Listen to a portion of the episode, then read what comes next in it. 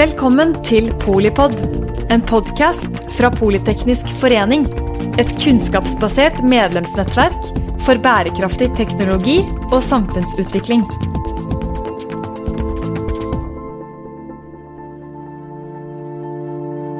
Verdenshavene flommer over av plast. Antibiotikaresistens er i ferd med å bli et megaproblem, og ny teknologi kommer til å sette reglene for krig på prøve. Hva skal vi gjøre med alt dette? Hallo og velkommen til en ny Polipod-serie om globale utfordringer og hvordan de kan løses. Mitt navn er Kjølv Egeland. Jeg forsker på strategi og internasjonalt samarbeid, og sitter i Politeknisk forenings styre for internasjonal politikk og økonomi. Dagens tema er plastforsøplingsproblemet. Plastforsøpling, og kanskje særlig plast i havet, er et enormt transnasjonalt problem og en trussel mot dyr og mennesker. Det anslås at mellom 9 og 14 millioner tonn plast havner i havet hvert eneste år. Og hvis og når fisk og annen sjømat blir rammet av denne forsøplingen, forsvinner matfatet og arbeidsplassene til millioner av mennesker, kanskje særlig i Asia. Plastforsøpling er også en trussel mot rent drikkevann mange steder. Så hva i all verden skal vi gjøre med dette? Hva skjer? I offentligheten har vi jo egentlig ikke hørt så mye om dette problemet siden 2017, da en hval med 30 plastposer i magen drev i land på Sotra utenfor Bergen. For å snakke om plastproblemet og hvordan det kan løses, har vi fått med oss Torbjørn Graff Hugo i studio her i Oslo. Torbjørn har tidligere vært i UD, arbeider nå ved Folkerettsinstituttet og er ekspert på multilaterale diplomatiske prosesser, altså hvordan internasjonalt samarbeidpølsa blir til i praksis. Nå jobber han bl.a. med å løse plastproblemet for WWF. Velkommen, Torbjørn. Takk for det. Da begynner vi bare på starten. Hvordan, hvordan løser man uh, sånne store transnasjonale problemer som vi snakker om her nå?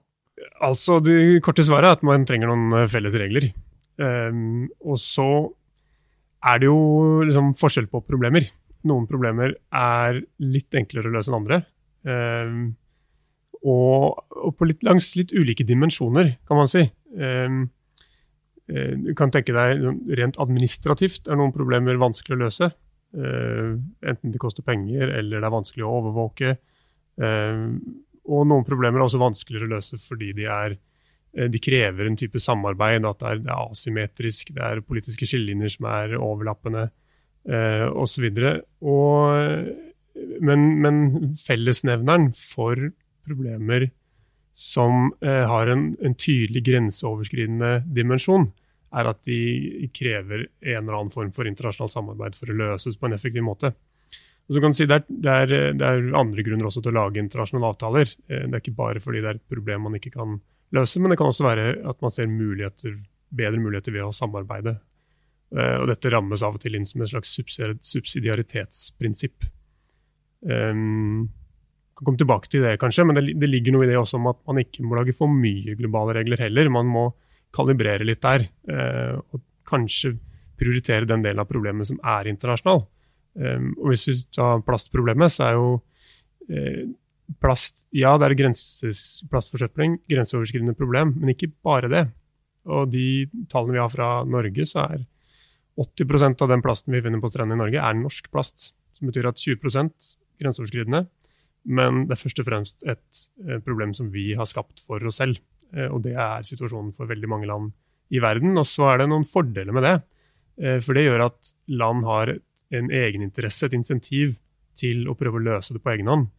Eh, men samtidig så ser vi at vi får ikke løst det globalt. Vi får ikke håndtert den plasten som ligger i, i såkalte gyrer rundt i verdenshavene, uten at vi også samarbeider om det. Det er litt sånn grovt bakteppe her da, med dette, dette plastproblemet. Ok, så hvis vi går uh, nå til uh, plastforsøplingsproblemet, uh, hvor står saken i dag, og, og, og hvordan kom vi dit eh, vi var? Eh, som, som, jeg nevnte, så er det sikkert mange som ikke har hørt så mye om, om det plastproblemet siden den hvalen drev i land eh, på Sotra. Nei, altså eh, det her to, to, spar på det spørsmålet også.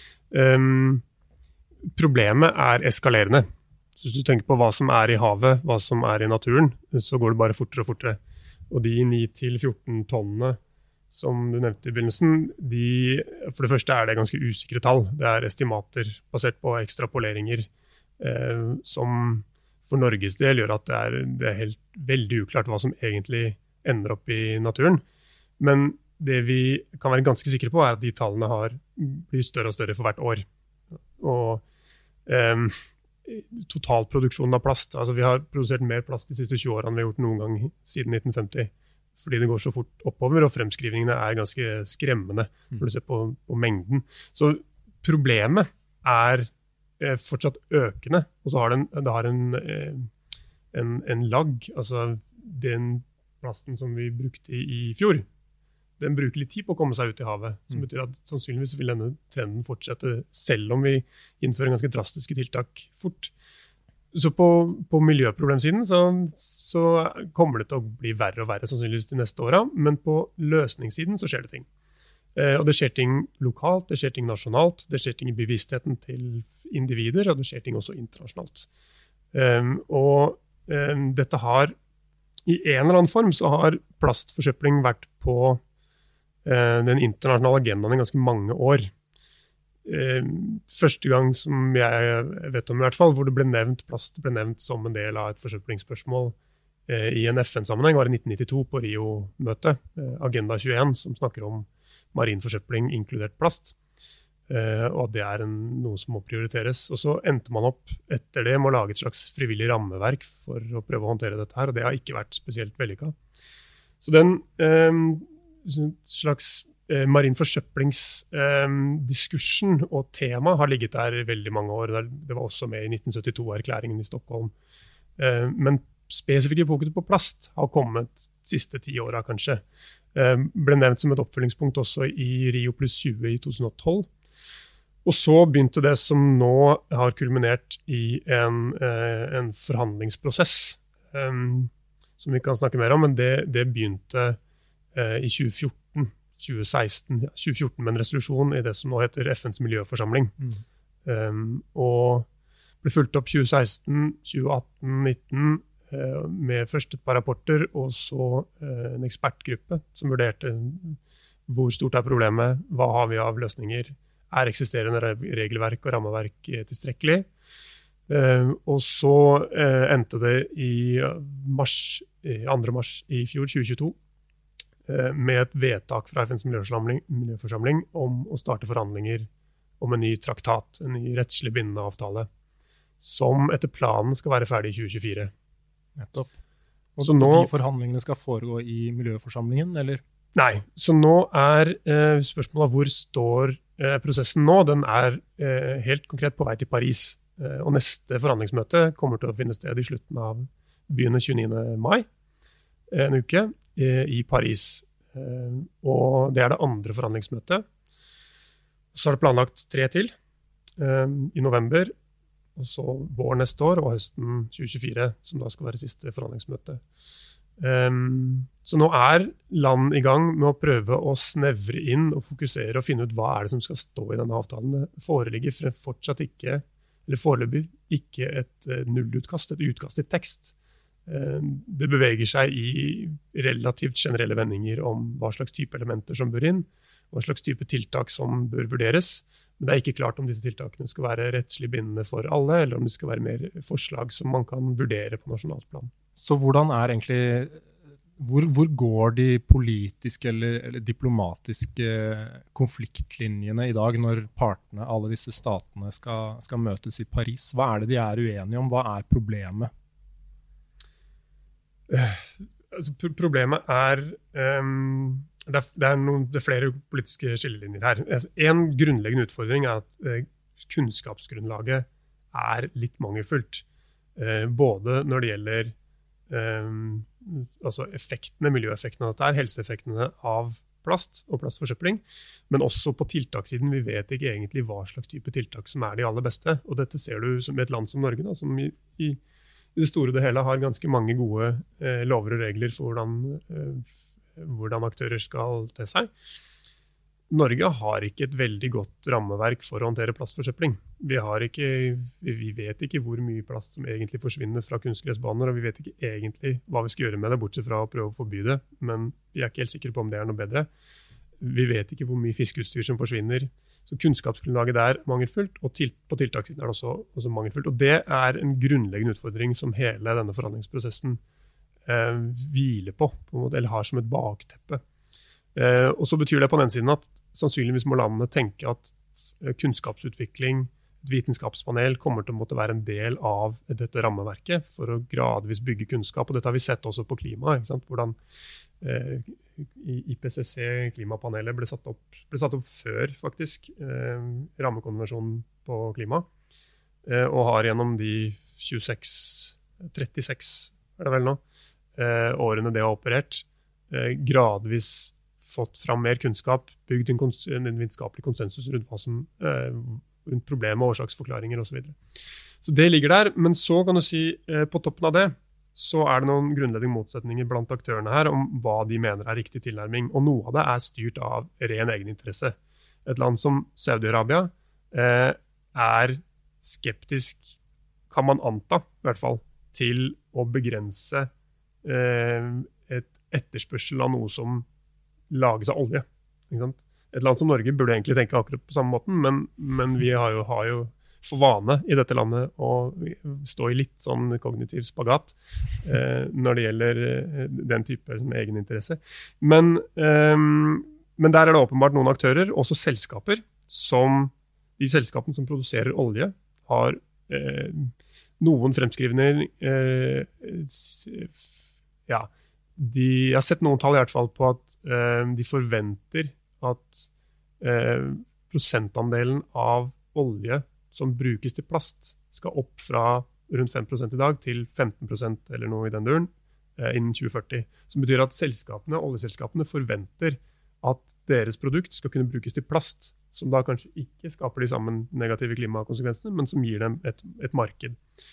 Eh, og det, Hvis denne, denne, avtalen ender opp med å begrense totalproduksjonen av plast, som det er en del aktører som vil, så er det åpenbart negativt for de selskapene som produserer olje, og kanskje de som produserer plast. Litt avhengig av om de begrenser råplast fra olje, eller om de begrenser all plast, inkludert resirkulert plast. Og Der er det noen nyanseforskjeller. Men helt oppe i verdikjeden her så er det en del aktører som ikke kommer til å tjene på at det begrenser eh, for konsum av plast. Mens lenger ned er det litt annerledes. Eh, og selskaper som Coca-Cola, eh, det de kaller Fast Moving Consumer Goods Companies på engelsk, altså de som lager emballasje, bruker emballasje, de er ikke egentlig opptatt av plasten. De er opptatt av at produktet skal komme fram til forbrukeren, og at det skal være miljøvennlig, at det skal være likt for alle. For, så for disse selskapene så er det, er det et felles sett av globale regler er faktisk ganske nyttig. Eh, så de, nå, de har laget en koalisjon, koalisjon også, disse, en business coalition eh, for, for, an ambitious treaty, tror jeg det heter. Um, og de er ganske tydelige på at de vil ha felles standarder, globale standarder for produktdesign, resirkuleringsgrad, resirkulerings, mulighet for resirkulering av, av produkter. Og at disse felles reglene internasjonalt vil være hjelpsomt for dem. Eh, og lenger ned i verdikjeden også så er det, er det selskaper som de, som de, som driver med resirkuleringen, er også selvfølgelig opptatt av at produktene skal være lettest mulig å resirkulere. Så der er det også en del aktører, en del næringsaktører som, eh, som, ser veldig positivt på et sett av strenge regler. Og det kobler seg til det siste konfliktlinja, som litt, handler litt mer om synet på internasjonale avtaler. Hvor, eh, og spesielt Parisavtalen, eh, altså den, det, er mye godt å si om Parisavtalen, og så er det veldig mye eh, ikke så bra å si om Parisavtalen. Uh, og en av store utfordringene med Parisavtalen er at den knapt inneholder en eneste bindende regel. Uh, det, er en bindende regel om at alle skal lage uh, egne planer og fremsette egne, egne mål om hva de skal nå. Men som en internasjonal avtale, så er den i utgangspunktet ganske svak. Eller bottom up, kalles det ofte. da. Eh, og Noen ganger fremsettes det som noe bra, Det gjør det lettere å få tak i og få, få enighet blant veldig mange land om hva som gjøres. Men, eh, men, effektiviteten på den type avtaler er det veldig lite som tilsier at eh, ja, det er noe å rope hurra for. Eh, så der har du da en konfliktlinje mellom de som ønsker bindende regler, globale regler, top down, og de som ønsker et mer Paris-rammeverk med frivillige, landdrevne prosesser. Et mer frivillig rammeverk, rett og slett, selv om det er rammet inn i en rettslig bindende avtale. Mm. Så næringslivet er en, en, helt sentral aktør her, da, uh, forstår jeg av det du sier. Det er jo selvfølgelig sånn at denne avtalen kan man tenke seg vil kunne ha å gjøre med reguleringer for uh, kanskje noe opprydning og avfallshåndtering og sånne ting, men vil også kunne si noe om uh, hva slags type plast man skal kunne produsere og bruke og, og sånne ting. Og, og det involverer jo enormt mange næringslivsaktører og bedrifter rundt omkring i verden. Da. Alt fra bildekkprodusenter til eh, Coca-Cola og andre som lager emballasje, og mikroplast i masse kosmetikk og, og sånne ting. Så hvordan, hvordan er, har dere involvert disse næringslivsaktørene? Er det noe man prøver på når man skal få til en sånn eh, avtale? Uh, ja. Um, og du kan si De første som hadde dette på radaren, var de eh, selskapene jeg snakka om i stad. Altså, eh, kjemiindustrien eh, og store oljeselskaper. Som ganske tidlig, eh, i 2018-16, var til stede for å følge med på hva er det landet har tenkt å finne på her som potensielt kan begrense etterspørselen etter plast.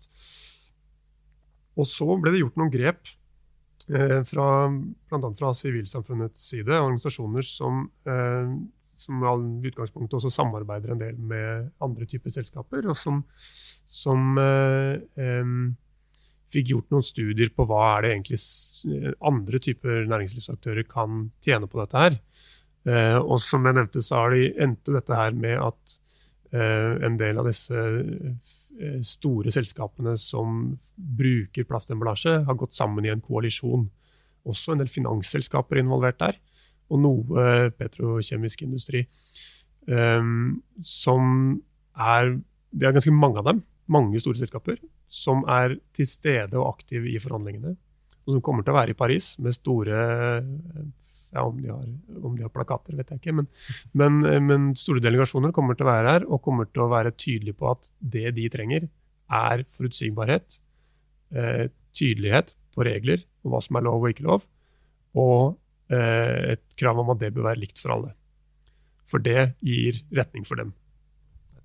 Så Coca-Cola for forutsigbarhet og en eh, fungerende avtale. Saudi Aramco uh, not so much. Nei. Det er litt synd på Saudi Aramco, må jeg innrømme. Ja. Og det er jo selvfølgelig um, Ja, hva betyr alt dette her? Um, vi, uh, det er mange som har kjøpt colaflasker det siste året, og som har irritert seg noe fryktelig over at disse korkene sitter fast. Ja. Um, og det, det, er jo altså strengt tatt ikke Coca-Cola sin skyld. For dette er en del av et regelverk som EU innførte i 2018 Eh, med et enkelt krav om at eh, korker skal sitte fast på flasker som er under tre liter, og som er engangsemballasje med plast. Så dette kommer til å og kommer, Jeg tror det er neste år at det, at det er et krav i hele Europa. Så det betyr at alle andre flasker kommer til å se akkurat like ut, men de har ikke helt funnet ut hvordan den tekniske løsningen skal være. Det gjør at man får disse stikkene. Ja, litt irriterende. Men alt dette for å si at hvis denne avtalen går den veien mange av de store progressive aktørene eh, vil at den skal gå, med tydelige, klare regler for hvilke produkter som det er lov å selge, hvilke produkter og hvilke typer polymerer man kan bruke, eh, hva slags eh, additiver, kjemikalier man kan ha i produktene, så kommer det til å få konsekvenser også for forbrukerne, også her i Norge. Og vi kommer til å merke at en del produkter blir borte fra markedet.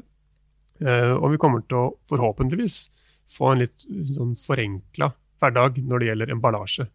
Sannsynligvis mer resirkulering av flere typer eh, emballasje, ikke bare drikkevare, men også andre typer emballasje. Og kanskje noen enklere løsninger på, på resirkulering. Um, mulig det også blir en del merking. Det er et av kravene. At, at, produkter skal kunne merkes, både hva som står i dem, men, men også hvor de er solgt. Et, en stor del, av dette problemet som det snakkes litt for lite om, er, er fiskegarn og fiskeutstyr som forsvinner. Som stort sett også er plast. Eh, og ute på havet så er dette kanskje 50% Det vet man ikke helt, men det er en stor del av problemet. Og det er en spesielt skadelig del av problemet, fordi mange av disse, disse tingene som forsvinner, er designa for å fange fisk eller annet, uh, annet, liv. Og Det betyr at de kaller det for, for, ghost gear på engelsk. Så disse driver jo rundt i hundrevis av år og fortsetter å fange fisk og drepe. Um, og Det er også en, en, del av problemet som må håndteres, uh, og forhåpentligvis kommer til å bli en del også av denne avtalen. Men men hvilk, hva slags regler som virker og ikke virker, der er det fortsatt et stykke igjen, eh, tror jeg. Får vi se. Så vi har å gjøre med eh, kanskje noen forbud, eh, reguleringer, kanskje opprydning. Skal alt dette her inn i en og samme avtale? Er det noen som vil det, ja?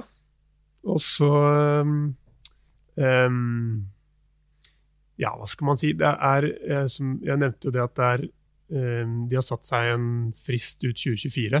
Og så er det etter det er det planlagt en, en diplomatkonferanse. Men i utgangspunktet skal avtalen være ferdig til det. De har, dette er andre forhandlingsmøte som begynner om to uker. Og det er én ukes forhandlingsmøte. Så er det én uke i november, og så er det totalt tre uker igjen å forhandle. Og dette er et ganske stort tema. Så det er, det er en ting som tilsier at det kanskje bør Ehm, at man bør sikte seg inn på et eller annet tidspunkt på å lage et sett av regler som tillater at man kan gradvis styrke dem. Eh, enten gjennom protokoller eller nye annekser eller eh, det er andre måter å gjøre det på. Mange måter å gjøre det på. Eh, men at man tenker på den, den tidshorisonten 2024 som starten på noe, ikke slutten på noe.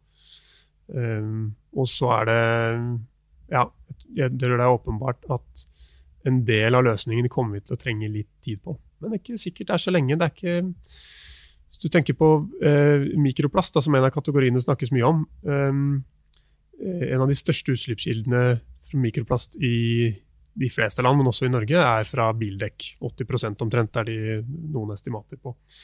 Um, og her har jo, altså Industrien har egentlig aldri hatt noen krav om at det ikke er lov å slippe under mikroplast. og Derfor så har de heller ikke forska noe særlig på det. Men det gjøres noe på å prøve alternative materialer. Og hvis, eh, hvis bildekkindustrien hadde fått eh, et krav om at de må fjerne plast fra bildekk i løpet av ti år, så kan det godt hende at de hadde fått til det. Men, men det krever at eh, man har forutsigbarhet eh, for å kunne gjøre de investeringene som trengs for å gjøre den, den overgangen. Nettopp, og det krever at reglene er nokså like rundt omkring forskjellige steder da, for at eh, disse selskapene skal synes at det er verdt det. Ja, åpenbart. Så hva er det som nå skal, eh, skal, til for å få til en fornuftig avtale nå i løpet av de nærmeste årene? Hva, hva, er, det, hva er, det, som skal til nå? På litt sånn overordnet nivå så trenger man, man trenger kunnskap uh, for å drive frem de gode løsningene. Og så trenger man lederskap.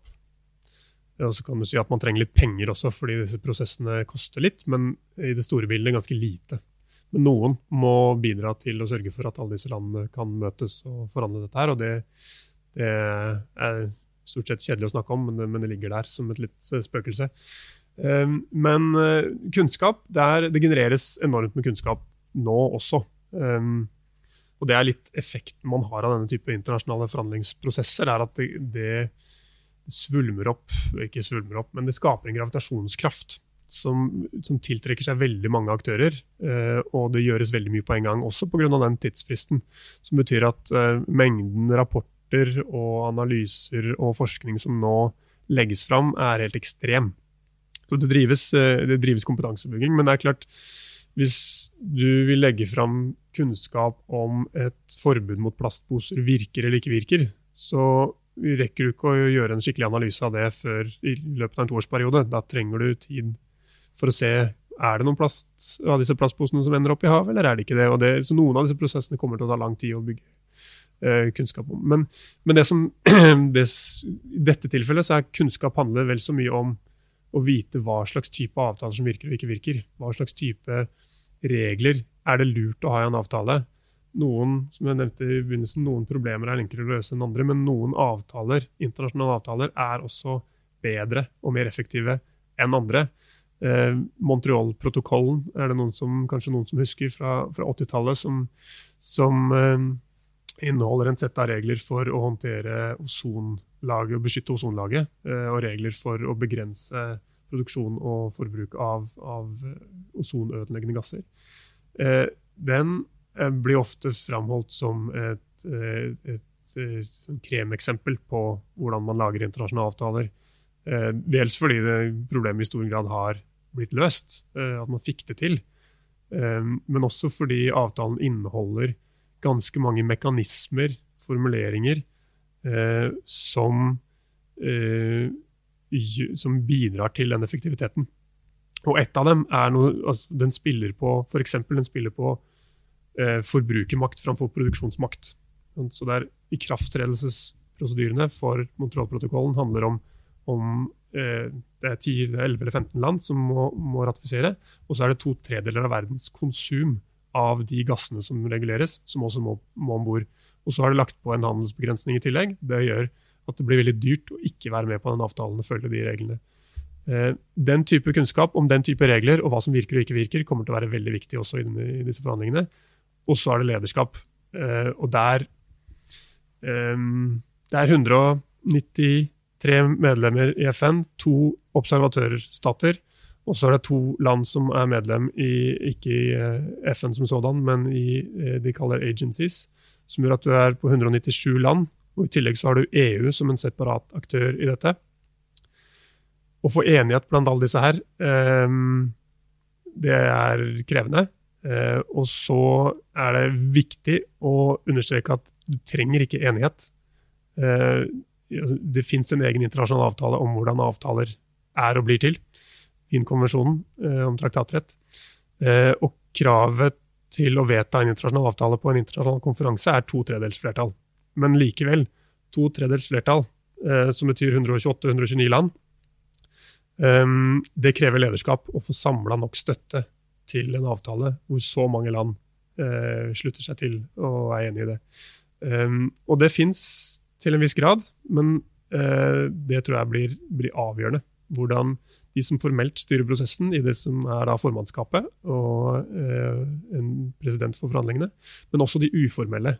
Eh, hvilke koalisjoner. Det finnes en, en høyambisjonskoalisjon som bl.a. Norge er med i, som har eh, veldig tydelige krav om at det må binde regler på plass. Um, men disse kravene og den koalisjonen må omsette det de har av eventuell makt, inn i forhandlingene for å sikre at, eh, at de får et godt resultat. Så det tror jeg også blir, blir avgjørende for, for, suksessen her.